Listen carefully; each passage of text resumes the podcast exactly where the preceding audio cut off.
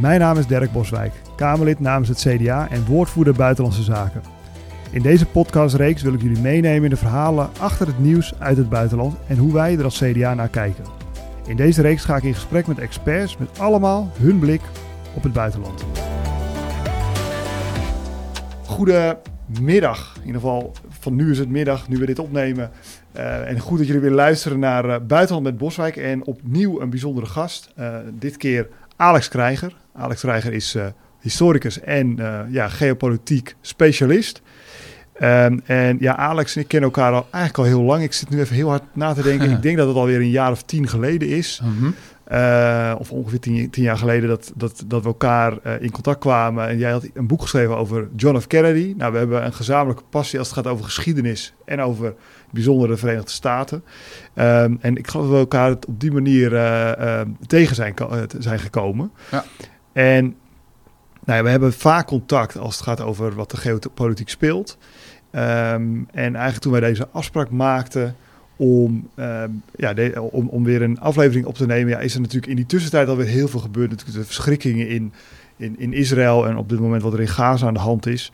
En ja, wij hebben eigenlijk nooit een script als, het, uh, als we de, uh, opnames maken. We hebben natuurlijk altijd wel een thema of een onderwerp. Uh, eerder met Tom Middendorp natuurlijk over klimaatverandering. En bij jou wil ik het eigenlijk hebben over ja, wat is er geopolitiek aan de hand en de kanten van de wereldorde. Iets waar jij ook zelf vaak over schrijft. maar ja, goed, daar komt natuurlijk Israël nu, nu tussendoor. Ja. Um, Alex, laten we dan meteen met Israël gaan beginnen.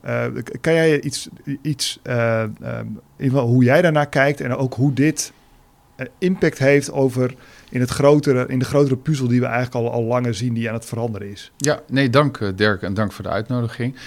Um, de, de aanslagen van 7 oktober, zaterdag 7 oktober, um, op uh, honderden en zoals het er nu uitziet, misschien zelfs 14, 1500 uh, onschuldige burgers en militairen in Israël. Dat was gewoon een pure terreurdaad. Zo moeten we het gewoon bestempelen, zoals premier Rutte en anderen dat ook hebben gedaan. Jij en internationaal, denk aan president Biden een afschuwelijke barbaarse terreurdaad. En uh, daar past dus niet allerlei vage analyses bij van goh, ze hebben allemaal zo'n moeilijke jeugd gehad en ja, maar dit, ja, maar dat. Bij terreur past geen ja, maar. Dat moet je gewoon even apart nemen, want ja, hoe kijk je dan naar de terreurdaden van IS bijvoorbeeld in Europa? Dan ga je ook niet nadenken over of praten over goh, die jongens hebben allemaal zo'n moeilijke achtergrond gehad. Terreur is gewoon terreur, barbaars. Um, ik sprak afgelopen dagen nog uh, kennissen. Ik heb ook wel iets uh, qua achtergrond met Israël. Zelf in 74 gewoond, dit jaar naar Yom Kippur. De laatste keer dat het zo zwaar is geweest uh, voor Israël. Mijn vader kwam er ieder jaar. Uh, nou, met één kennis contact gehad. En die kende iemand die, um, een man, die zijn vrouw en kinderen, die zijn gegijzeld en die zijn nu in Gaza. Oh. Um, en uh, die heeft beelden gezien van wat er nu met zijn kinderen gebeurt. En die kinderen zijn een paar jaar oud.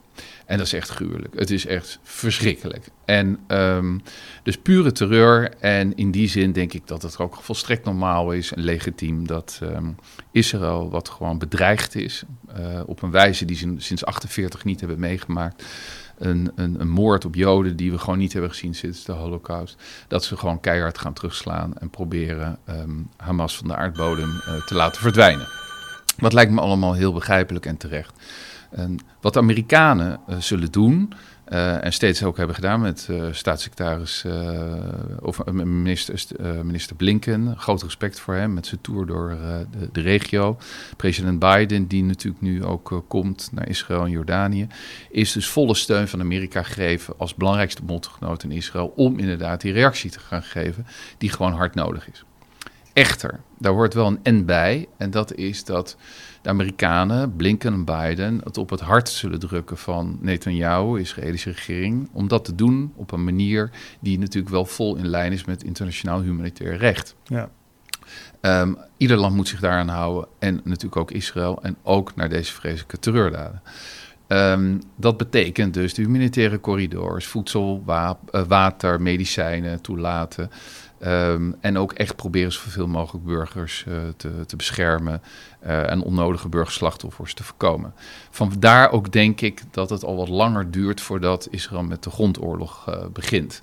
Om daar toch wat ruimte voor te creëren voor de internationale diplomatie. Want, en dan kom je bij het geopolitieke. Het is natuurlijk iets wat zich afspeelt in Gaza. super klein gebied, twee keer Texel, 2 miljoen mensen. Ehm, tegen Israël, ook een heel klein land, de helft Nederland. en dat in een hele, hele grote wereld van Midden-Oosten, Noord-Afrika. met honderden miljoenen mensen. Uh, terwijl Israël nog geen 10 miljoen is. Dus het is allemaal erg klein en kwetsbaar. Um, punt is dat de afgelopen jaren en een beetje de afgelopen decennia ook. Er steeds meer toenadering is gekomen natuurlijk tussen de, een groot aantal Arabische landen en Israël. Dat is goed nieuws. Naar de beroemde akkoorden van Camp David met Egypte. Hebben we later natuurlijk gezien Jordanië en ook onlangs natuurlijk met Marokko, de Emiraten, Bahrein, et cetera. Punt is, uh, we waren heel dichtbij, internationaal, een groot akkoord tussen Israël, Saudi-Arabië en Amerika. Als dat was gebeurd, ja, dan had het een enorme impact gehad. Dat is, was echt voor Biden ook een fantastische prestatie geweest voor de verkiezingen van november 24. Dat heeft Hamas getorpedeerd. Ja. En achter Hamas zit gewoon Iran. Het is buitengewoon eenvoudig. In de regio speelt gewoon de grote rivaliteit tussen uh, het Sjiitische Iran en het Soenitische Saudi-Arabië, waarbij de meeste landen regio gewoon achter Saudi-Arabië staan. Die lijn. Iran heeft vriendjes, en dat is natuurlijk Syrië, en dat is deels Irak, en Hezbollah en Hamas. Dat zijn, zeg maar, dat is de as van, uh, uh, van Iran. Dus dat komt allemaal terug in die vreselijke oorlog die we nu zien tussen Hamas en Israël. Waarbij Iran zoveel mogelijk probeert te stoken. Nou, dat hebben ze knap voor elkaar gekregen met Hamas op gruwelijke wijze. Maar ze zullen ook zeker, als dat nodig is, Hezbollah ruimte geven om uh, met een offensief te komen. Maar het is allemaal vreselijk balanceren. Ja. Want deze oorlog kan ontaarden in een vreselijke regionale oorlog. En daar letten de Amerikanen heel erg op. Dus de kiespelers op dit moment naast uh, Israël, um, uh, Hamas zelf natuurlijk, zijn uh, de Verenigde Staten, Iran, uh, die natuurlijk nog veel meer ellende kunnen zorgen in de regio. En Qatar, het kleine Qatar, wat een kwart Nederland is. Maar goed, wat wij zelf groot hebben gemaakt met olie- en gasinkomsten en met het WK voetbal. Uh, die hebben gewoon het hoofdkantoor uh, van uh, Hamas in hun midden. Ja. Het is soms allemaal een beetje frank. Terwijl wij ja. daar aan het voetballen waren, werden misschien vreselijke dingen gepland in dat kleine Qatar. maar net goed, als de Taliban overigens. Die net als de Taliban. Maar we moeten uitkijken dat we Qatar dan weer niet op één lijn zetten met Iran. Mm -hmm. Want Iran is echt de sponsor achter Hamas en Hezbollah. En dat is Qatar niet. Qatar heeft wel allemaal lijnen lopen, maar Qatar is misschien wel de enige, uh, het enige land op dit moment in de regio die contact heeft met alles en iedereen. Ja. En daarom is het zo belangrijk als mediator. En dat hebben de Amerikanen ook weer feilloos door. Dus het is allemaal super fragiel. En de ellende is dat achter Iran zit nog eens een keer Rusland en China. Ja, en dan heb je het uh, wereld, wereldrijk uh, te pakken. En, da en daar ben ik dus wel even benieuwd naar. Want, want het is heel opvallend dat, dat Rusland, die toch ook wel banden heeft met Israël, ja. uh, nu opvallend stil blijft richting maar, Hamas. Um, zit daar ook iets achter? Denk ik misschien zo ver door dat ik denk, joh, het lijkt er bijna op. Rusland koopt de drones bij, bij Iran. Ja. Uh, zij hebben er misschien ook wel baat bij dat er even wat aandacht afgaat van de oorlog in Oekraïne. Ja, zeker. Uh, zit daar ook nog een connectie tussen? Of is dat. Ja, ik denk dat... het wel. Dus precies wat je zegt. Um, wat China, Rusland en Iran als de grote drie van de autocratieën, om het ja. zo maar te zeggen, alle drie goed uitkomt, is als het Westen uh, sputtert en het moeilijk heeft. Ja. Dus ze hebben alle drie, doen ze eigenlijk ook al een hele tijd niks anders dan het testen van het Westen. Ja. Uh, of het nou Oekraïne is of ergens anders in de wereld, uh, denk aan Afrika. Um, uh, maar ook nu met uh, Israël-Gaza. Dat is wel iets anders dan de rol van Iran, uh, Rusland. Want in, Rusland, in Israël wonen zeg maar zo'n 9,5 miljoen mensen. Ja. En daar zit echt wel, wat is het, anderhalf miljoen mensen met een Russische achtergrond. Ja, precies. dus de banden tussen ook Netanyahu en Poetin, tussen Rusland en dit Israël na de val van de Sovjet-Unie is eigenlijk best wel goed. Ja. En laten we ook eerlijk zijn, uh, Poetin geeft ook wel ruimte aan Israël om in die regio af en toe in te grijpen als dat nodig is. Denk aan bombardementen op uh, Syrische doelen, wat altijd uiteindelijk dan weer Iraanse doelen is. Deep ja. down zijn Iran en Rusland echt geen vriendjes. Uh, maar op dit moment in de wereldorde zoals we die kennen, uh, op dit moment kennen, ja, zijn het bondgenoten, maar het zijn broze bondgenoten. Russen en Iraniërs, dat is historisch ook nooit altijd een uh, diepe relatie geweest. Dus um, het is in het belang van Rusland dat de aandacht van het Westen, van Europa, van Amerika weer even naar iets anders gaat. Ehm, dat is dus pijnlijk voor Zelensky, voor Oekraïne, zelfs erg riskant. Ja. Ehm, China, die zit helemaal in de leunstoel en die kijkt en die denkt zo, uh, het Westen is er aan het sputteren. Amerika heeft het weer druk en Europa speelt inderdaad opnieuw niet of nauwelijks een rol. Dat zien ze ook allemaal. En ondertussen uh, komen dan nu in Beijing um, zo'n 130 landen bij elkaar om het feestje te vieren van Xi Jinping, dat Belt van Road 10 jaar bestaat. Ja, dat is dus ook een realiteit in de wereld. Ja. Kijk, wij richten ons natuurlijk in Europa terecht allemaal op Oekraïne en nu op Israël. Um, maar er is dus meer aan de hand in de wereld. En dat maakt het wel ingewikkeld. En dat vereist soms dat we iets breder durven te kijken. Ja. Durven en willen kijken. Nou, ik vond vooral, vorige week kwam ook naar buiten dat uh, Frankrijk, uh, nou weet ik even het land niet meer. Mm -hmm. uh, en welk land was het nou in Afrika dat ze hun troepen terugtrokken? Ja, ik denk ook uh, Niger, ja, Niger Mali, was het. het was en, Niger, eigenlijk dat ja. hele gebied. Ja. Dat ze hun troepen terugtrokken naar Ja. Tjaad, geloof ik. Dat Tjaad Ja, nog het enige zeker. land is waar ze nog Ja. enigszins uh, voet aan de grond hebben. En ja, dat zagen we eigenlijk helemaal niet op het nieuws. Omdat Nee. het natuurlijk weer overschaduwt door wat er in Israël gebeurt. Wat natuurlijk vo volledig begrijpelijk is. Maar Ja. ondertussen zie je dus ook gewoon in de Sahelregio de invloed vanuit, uh, vanuit het Westen, in dit geval Frankrijk, het ook, ook gewoon langzamerhand afnemen. ja, zeker. Hey, en ehm, jij zei net, ja, de, de wereld is, is vooral druk met, met wat er in, in eh, Israël en Oekraïne gebeurt. Ondertussen gebeurt er veel in, in China. Ja. Ehm, en jij zei eigenlijk tussen een soort tussenzinnen, ja, Europa doet er wat dat betreft niet echt meer toe. Ja, nou ja, de kunst is dat we er gewoon ook weer niet altijd somber cynisch daarover worden. Maar de werkelijkheid is, zoals uh, bondskanselier Scholz een tijdje geleden in uh, Straatsburg volgens mij heeft gezegd... Uh, we moeten accepteren als Europa dat we gewoon een andere positie hebben. Mm -hmm. 5,5% geloof ik van de wereldbevolking is de huidige EU. Uh, dat betekent dat zo'n 95% van de mensen in de wereld niet in de EU woont. Uh, en daarnaast, uh, kijk naar de, uh, de economische trends, ja. behalve de demografische trends, de economische trends.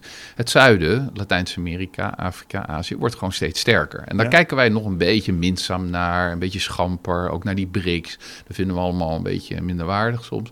Nou, dat is het gewoon niet. Dat is super belangrijk, super sterk. En sterker, onze ambities op het gebied van energie en transitie en klimaat, waar jij mee bezig bent ook. Ja, dat wordt een kansloos verhaal. Uh, als wij niet samenwerken met bijvoorbeeld landen Zuid-Amerika, denk ja. aan de grondstoffen, et cetera, lithium, et, um, om dat voor elkaar te krijgen. Dus we, het is echt belangrijk dat we ons realiseren dat de positie van Europa een andere is. Ik denk dat er maar één keuze is en dat we veel nauwer samenwerken. Dat betekent niet meer Brussel, dat denken mensen altijd snel, dat denk ik niet. Ik denk gewoon meer Europa is bijvoorbeeld ook veel meer met de Britten, met de Noren, belangrijke ja. partners, de Noordzee. Jij hebt daar heel vaak ook over uh, gepraat en geschreven. Um, uh, dat uh, komt trouwens ons goed uit, geopolitiek, want daar houden we de lijntjes met Amerika vast. Uh, Ja. En dan hoeven we niet steeds bij het Frans-Duitse kruisje te tekenen. Ik denk dat we op een andere manier moeten kijken naar die positie van Europa in de wereld. Maar dat mag wat mij betreft um, um, ook wat steviger pan-Europees zijn. En niet altijd alleen maar vanuit de EU-gedachte. Dus de grote drie, daarom vind ik het ook zo jammer... dat dan Scholz gaat naar Israël en dan gaat die naar Israël. Ja, het is allemaal prima. Maar het was natuurlijk wel heel mooi geweest als von der Leyen met Macron ja. en met. Sunak en met Scholz um, daarheen was gegaan. En misschien wel alle 27 uh, met von der Leyen. Dus het praten met één stem vinden we nog steeds lastig. Wat me wel opvalt is dat Duitsers hebben het heel goed door dat de boel aan het veranderen is. Dus Olaf Scholz, waarbij we in het begin zoiets hadden... nou, heeft hij wel helemaal door dat hij bondskanselier Ja, is. ja. Nou, dat heeft hij denk ik heel goed nu door. Want wat hij super goed door heeft, vind ik, nog meer dan ehm, de Fransen soms, is dat de wereld, de situatie in het Westen in november 24 volledig kan veranderen als Trump terugkomt in het Witte Ja. Huis. Ja, zeker. Want dan gaat hij zeggen, ja, weet je Europa, zoekt het maar lekker uit met Oekraïne. Eh, dat is jullie verantwoordelijkheid, gaan jullie maar lekker voor betalen. En die grens van Finland met Rusland, 1400 kilometer, veel Ja. plezier ermee. ja. En trouwens Israël, et cetera, eh, mogen jullie ook wat meer doen. Gaan jullie maar Gaza opbouwen. Ehm eh, Scholz heeft dat door. Macron heeft dat ook wel trouwens wel door. En ik denk dat het heel mooi zou zijn, daar kan Nederland een rol spelen, als wij daar alvast op anticiperen. Door ook als Nederland in de relaties met uh, Verenigd Koninkrijk, Frankrijk en Duitsland, dat wij daar nu al heel actief mee bezig zijn qua buitenlandbeleid. Uh, nou, jij hebt daarover geschreven natuurlijk in je buitenlandnotitie.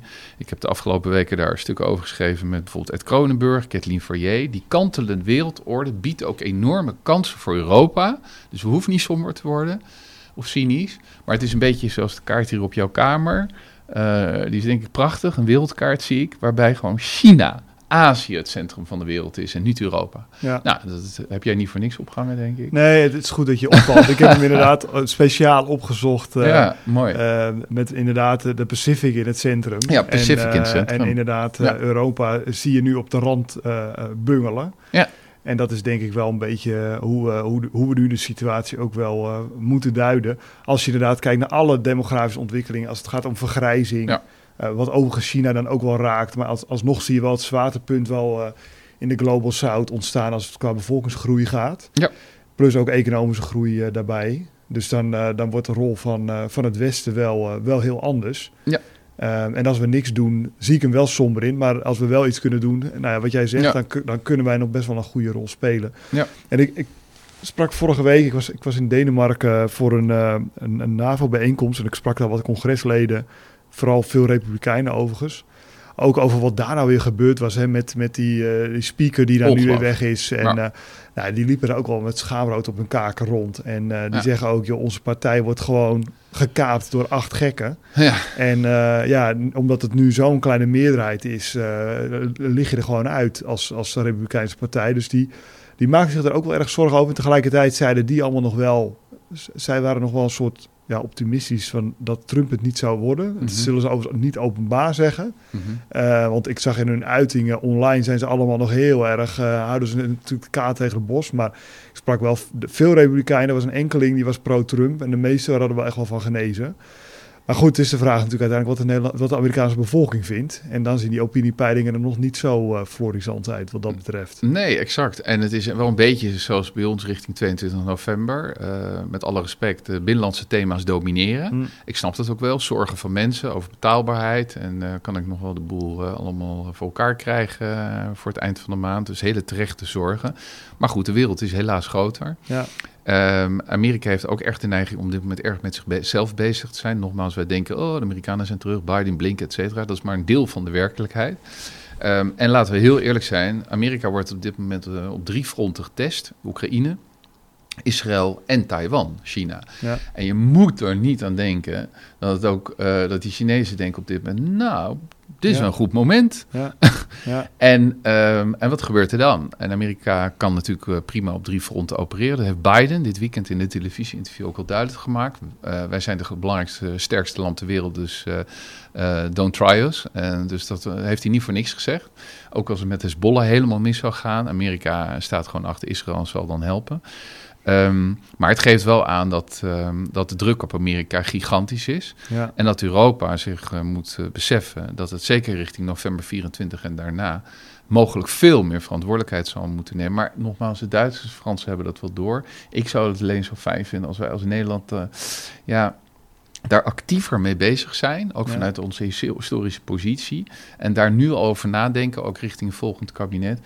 Hoe je dat zo vorm kan geven dat zeg maar, de Europese poot van de NAVO, dat je die echt sterker maakt. ja. En dat dat niet een EU iets wordt. Want Nee. dat is echt eh, dat is te, te beperkt. Ja. Daarmee ga je het niet redden. Zonder Britten en Noren ga je het gewoon niet redden. Nee, nee eens hoor. En ik, ik sprak ook wel, kijk, die wens is vanuit eh, het Verenigd Koninkrijk, is die wens er ook echt. Ja. Ik merkte dat ook dat eh, in ieder geval parlementsleden onze, onze Nederlandse delegatie ook echt aanspraken van, joh, we willen heel graag met Nederland Ja. en, en de Scandinavische landen over die Noordzee gaan praten. Ja. En eh, hoe kunnen we daar samen in optrekken. Dus, ehm, dus ik, ik merk ook wel die behoefte van, van hun kant uit. En ik ben het er helemaal met je eens. Als je gewoon kijkt naar nou, het is een, een kernmacht, dus dat is ook wel handig om er ook nog eens een keer in je bondgenootschap te hebben naast de Fransen natuurlijk. Ja. Ehm, dus ik, ik ben dat zeer met jou eens. Ehm, helaas deel ik ook jouw punt wel dat jij zegt, ja, onze verkiezingen worden heel vaak eh, bepaald door binnenlandse thema's. Hè? Mhm. dat, dat, en ik sprak een tijdje geleden Jaap Hoop Scheffer en die vatte dat wel goed. Hè? Die zei, ja, op politics als local, die, die uitspraak. Ja. En eh, je ziet het met, met de mensen die de, de winkel ingaan en die de prijzen daardoor door het dak Ja. zien gaan of aan de, bij de pomp zien staan. Ja. En, en, en, en daar vooral hun zorgen over hebben, wat volledig begrijpelijk is, maar toch nog moeilijk vinden om dat verband te leggen met een oorlog op het oostflank, dat dat gewoon één op één een relatie heeft. En dat is toch ja, wel precies wat jij zegt. En jij, jij, jij, vraagt er vaak aandacht voor, wat je nu zegt. Uh, de prijzen in de, in de winkels en aan de pomp, die zijn zo hoog. Mede ja. vanwege de oorlog in Oekraïne. Ja. En uh, daarom wat ik wel echt jammer vind, met alle respect natuurlijk ook bijvoorbeeld voor nou, Hanke Bruinslot, uh, denk ik, die het supergoed doet als minister. Maar ik vind um, dat in de afgelopen, in de periode na uh, februari 22, dus de in, tweede inval van Rusland in Oekraïne eigenlijk, ja. na 2014, terwijl we iedere week um, coronapersconferenties hadden. Ik vind het ontzettend spijtig. Ik heb er ook heel vaak voor gepleit, ook in de media ik heb nog nooit een persconferentie van, uh, van Hoekstra en Ollongren gezien over um, de oorlog in Oekraïne. Was dat nodig? Ja, ik denk het wel. Want ja. dan hou je mensen. Voor de bewustwording. Uh, ja, maar jij hebt het gedaan in de Kamer. Uh, jouw collega's hebben heel vaak aandacht voor gevraagd. Maar op dat moment moet gewoon de ministers dat ja. doen. En onze ministers hebben uh, ja, de burgers niet of nauwelijks meegenomen in de, deze oorlog. Wat er op het spel staat. Ja, premier Rutte wel, denk ik, uh, wekelijks een persconferentie. Maar um, de betrokken ministers hadden dat moeten doen. Uh, en steeds uh, ja, de steun vanuit de bevolking uh, voor lief genomen. En ook gedacht, nou, iedereen snapt dat wel aan de pomp en in de winkel dat het zo duur ja. is. Ja, dat, ja. dat denk je voor een ander. Ja. Dat moet je niet doen. Je moet gewoon de mensen meenemen en steeds uitleggen waarom steunen we Oekraïne, waarom is het zo belangrijk, wat is de impact en de implicaties. En dat vind ik wel erg jammer. En um, dus wat dat betreft, ook in richting een volgend kabinet. Ja, als het helemaal misgaat met zo'n pandemie de grootste pandemie in 100 jaar corona. Nou, dan worden we helemaal doodgegooid met, uh, met, uh, met allerlei berichten vanuit de regering. Um, maar uh, er gebeurt wel genoeg in de wereld. Ja, wees gewoon actiever, ook als volgend kabinet, in de communicatie met de burgers ja. over wat er in de wereld gebeurt. Luister, wees actief. Want dat kunnen die, minister, en, uh, die ministers kunnen dat prima. Ja. Maar ze moeten gewoon durven. Er zit iets van angst van, ja, we hebben niks te vertellen. Jawel, je hebt heel veel te vertellen. Ja. Maar je moet gewoon die, uh, die contact aangaan, want anders verlies je je draagvlak. Ja. hey, uh, Alex, de tijd vliegt ontzettend. Mm -hmm. We hebben inmiddels de hele wereld gehad. Is er nog een punt dat jij zegt, nou, dat moet ik kwijt. Dat vind ik zo belangrijk. Dat zou ik ook graag de luisteraars willen gunnen.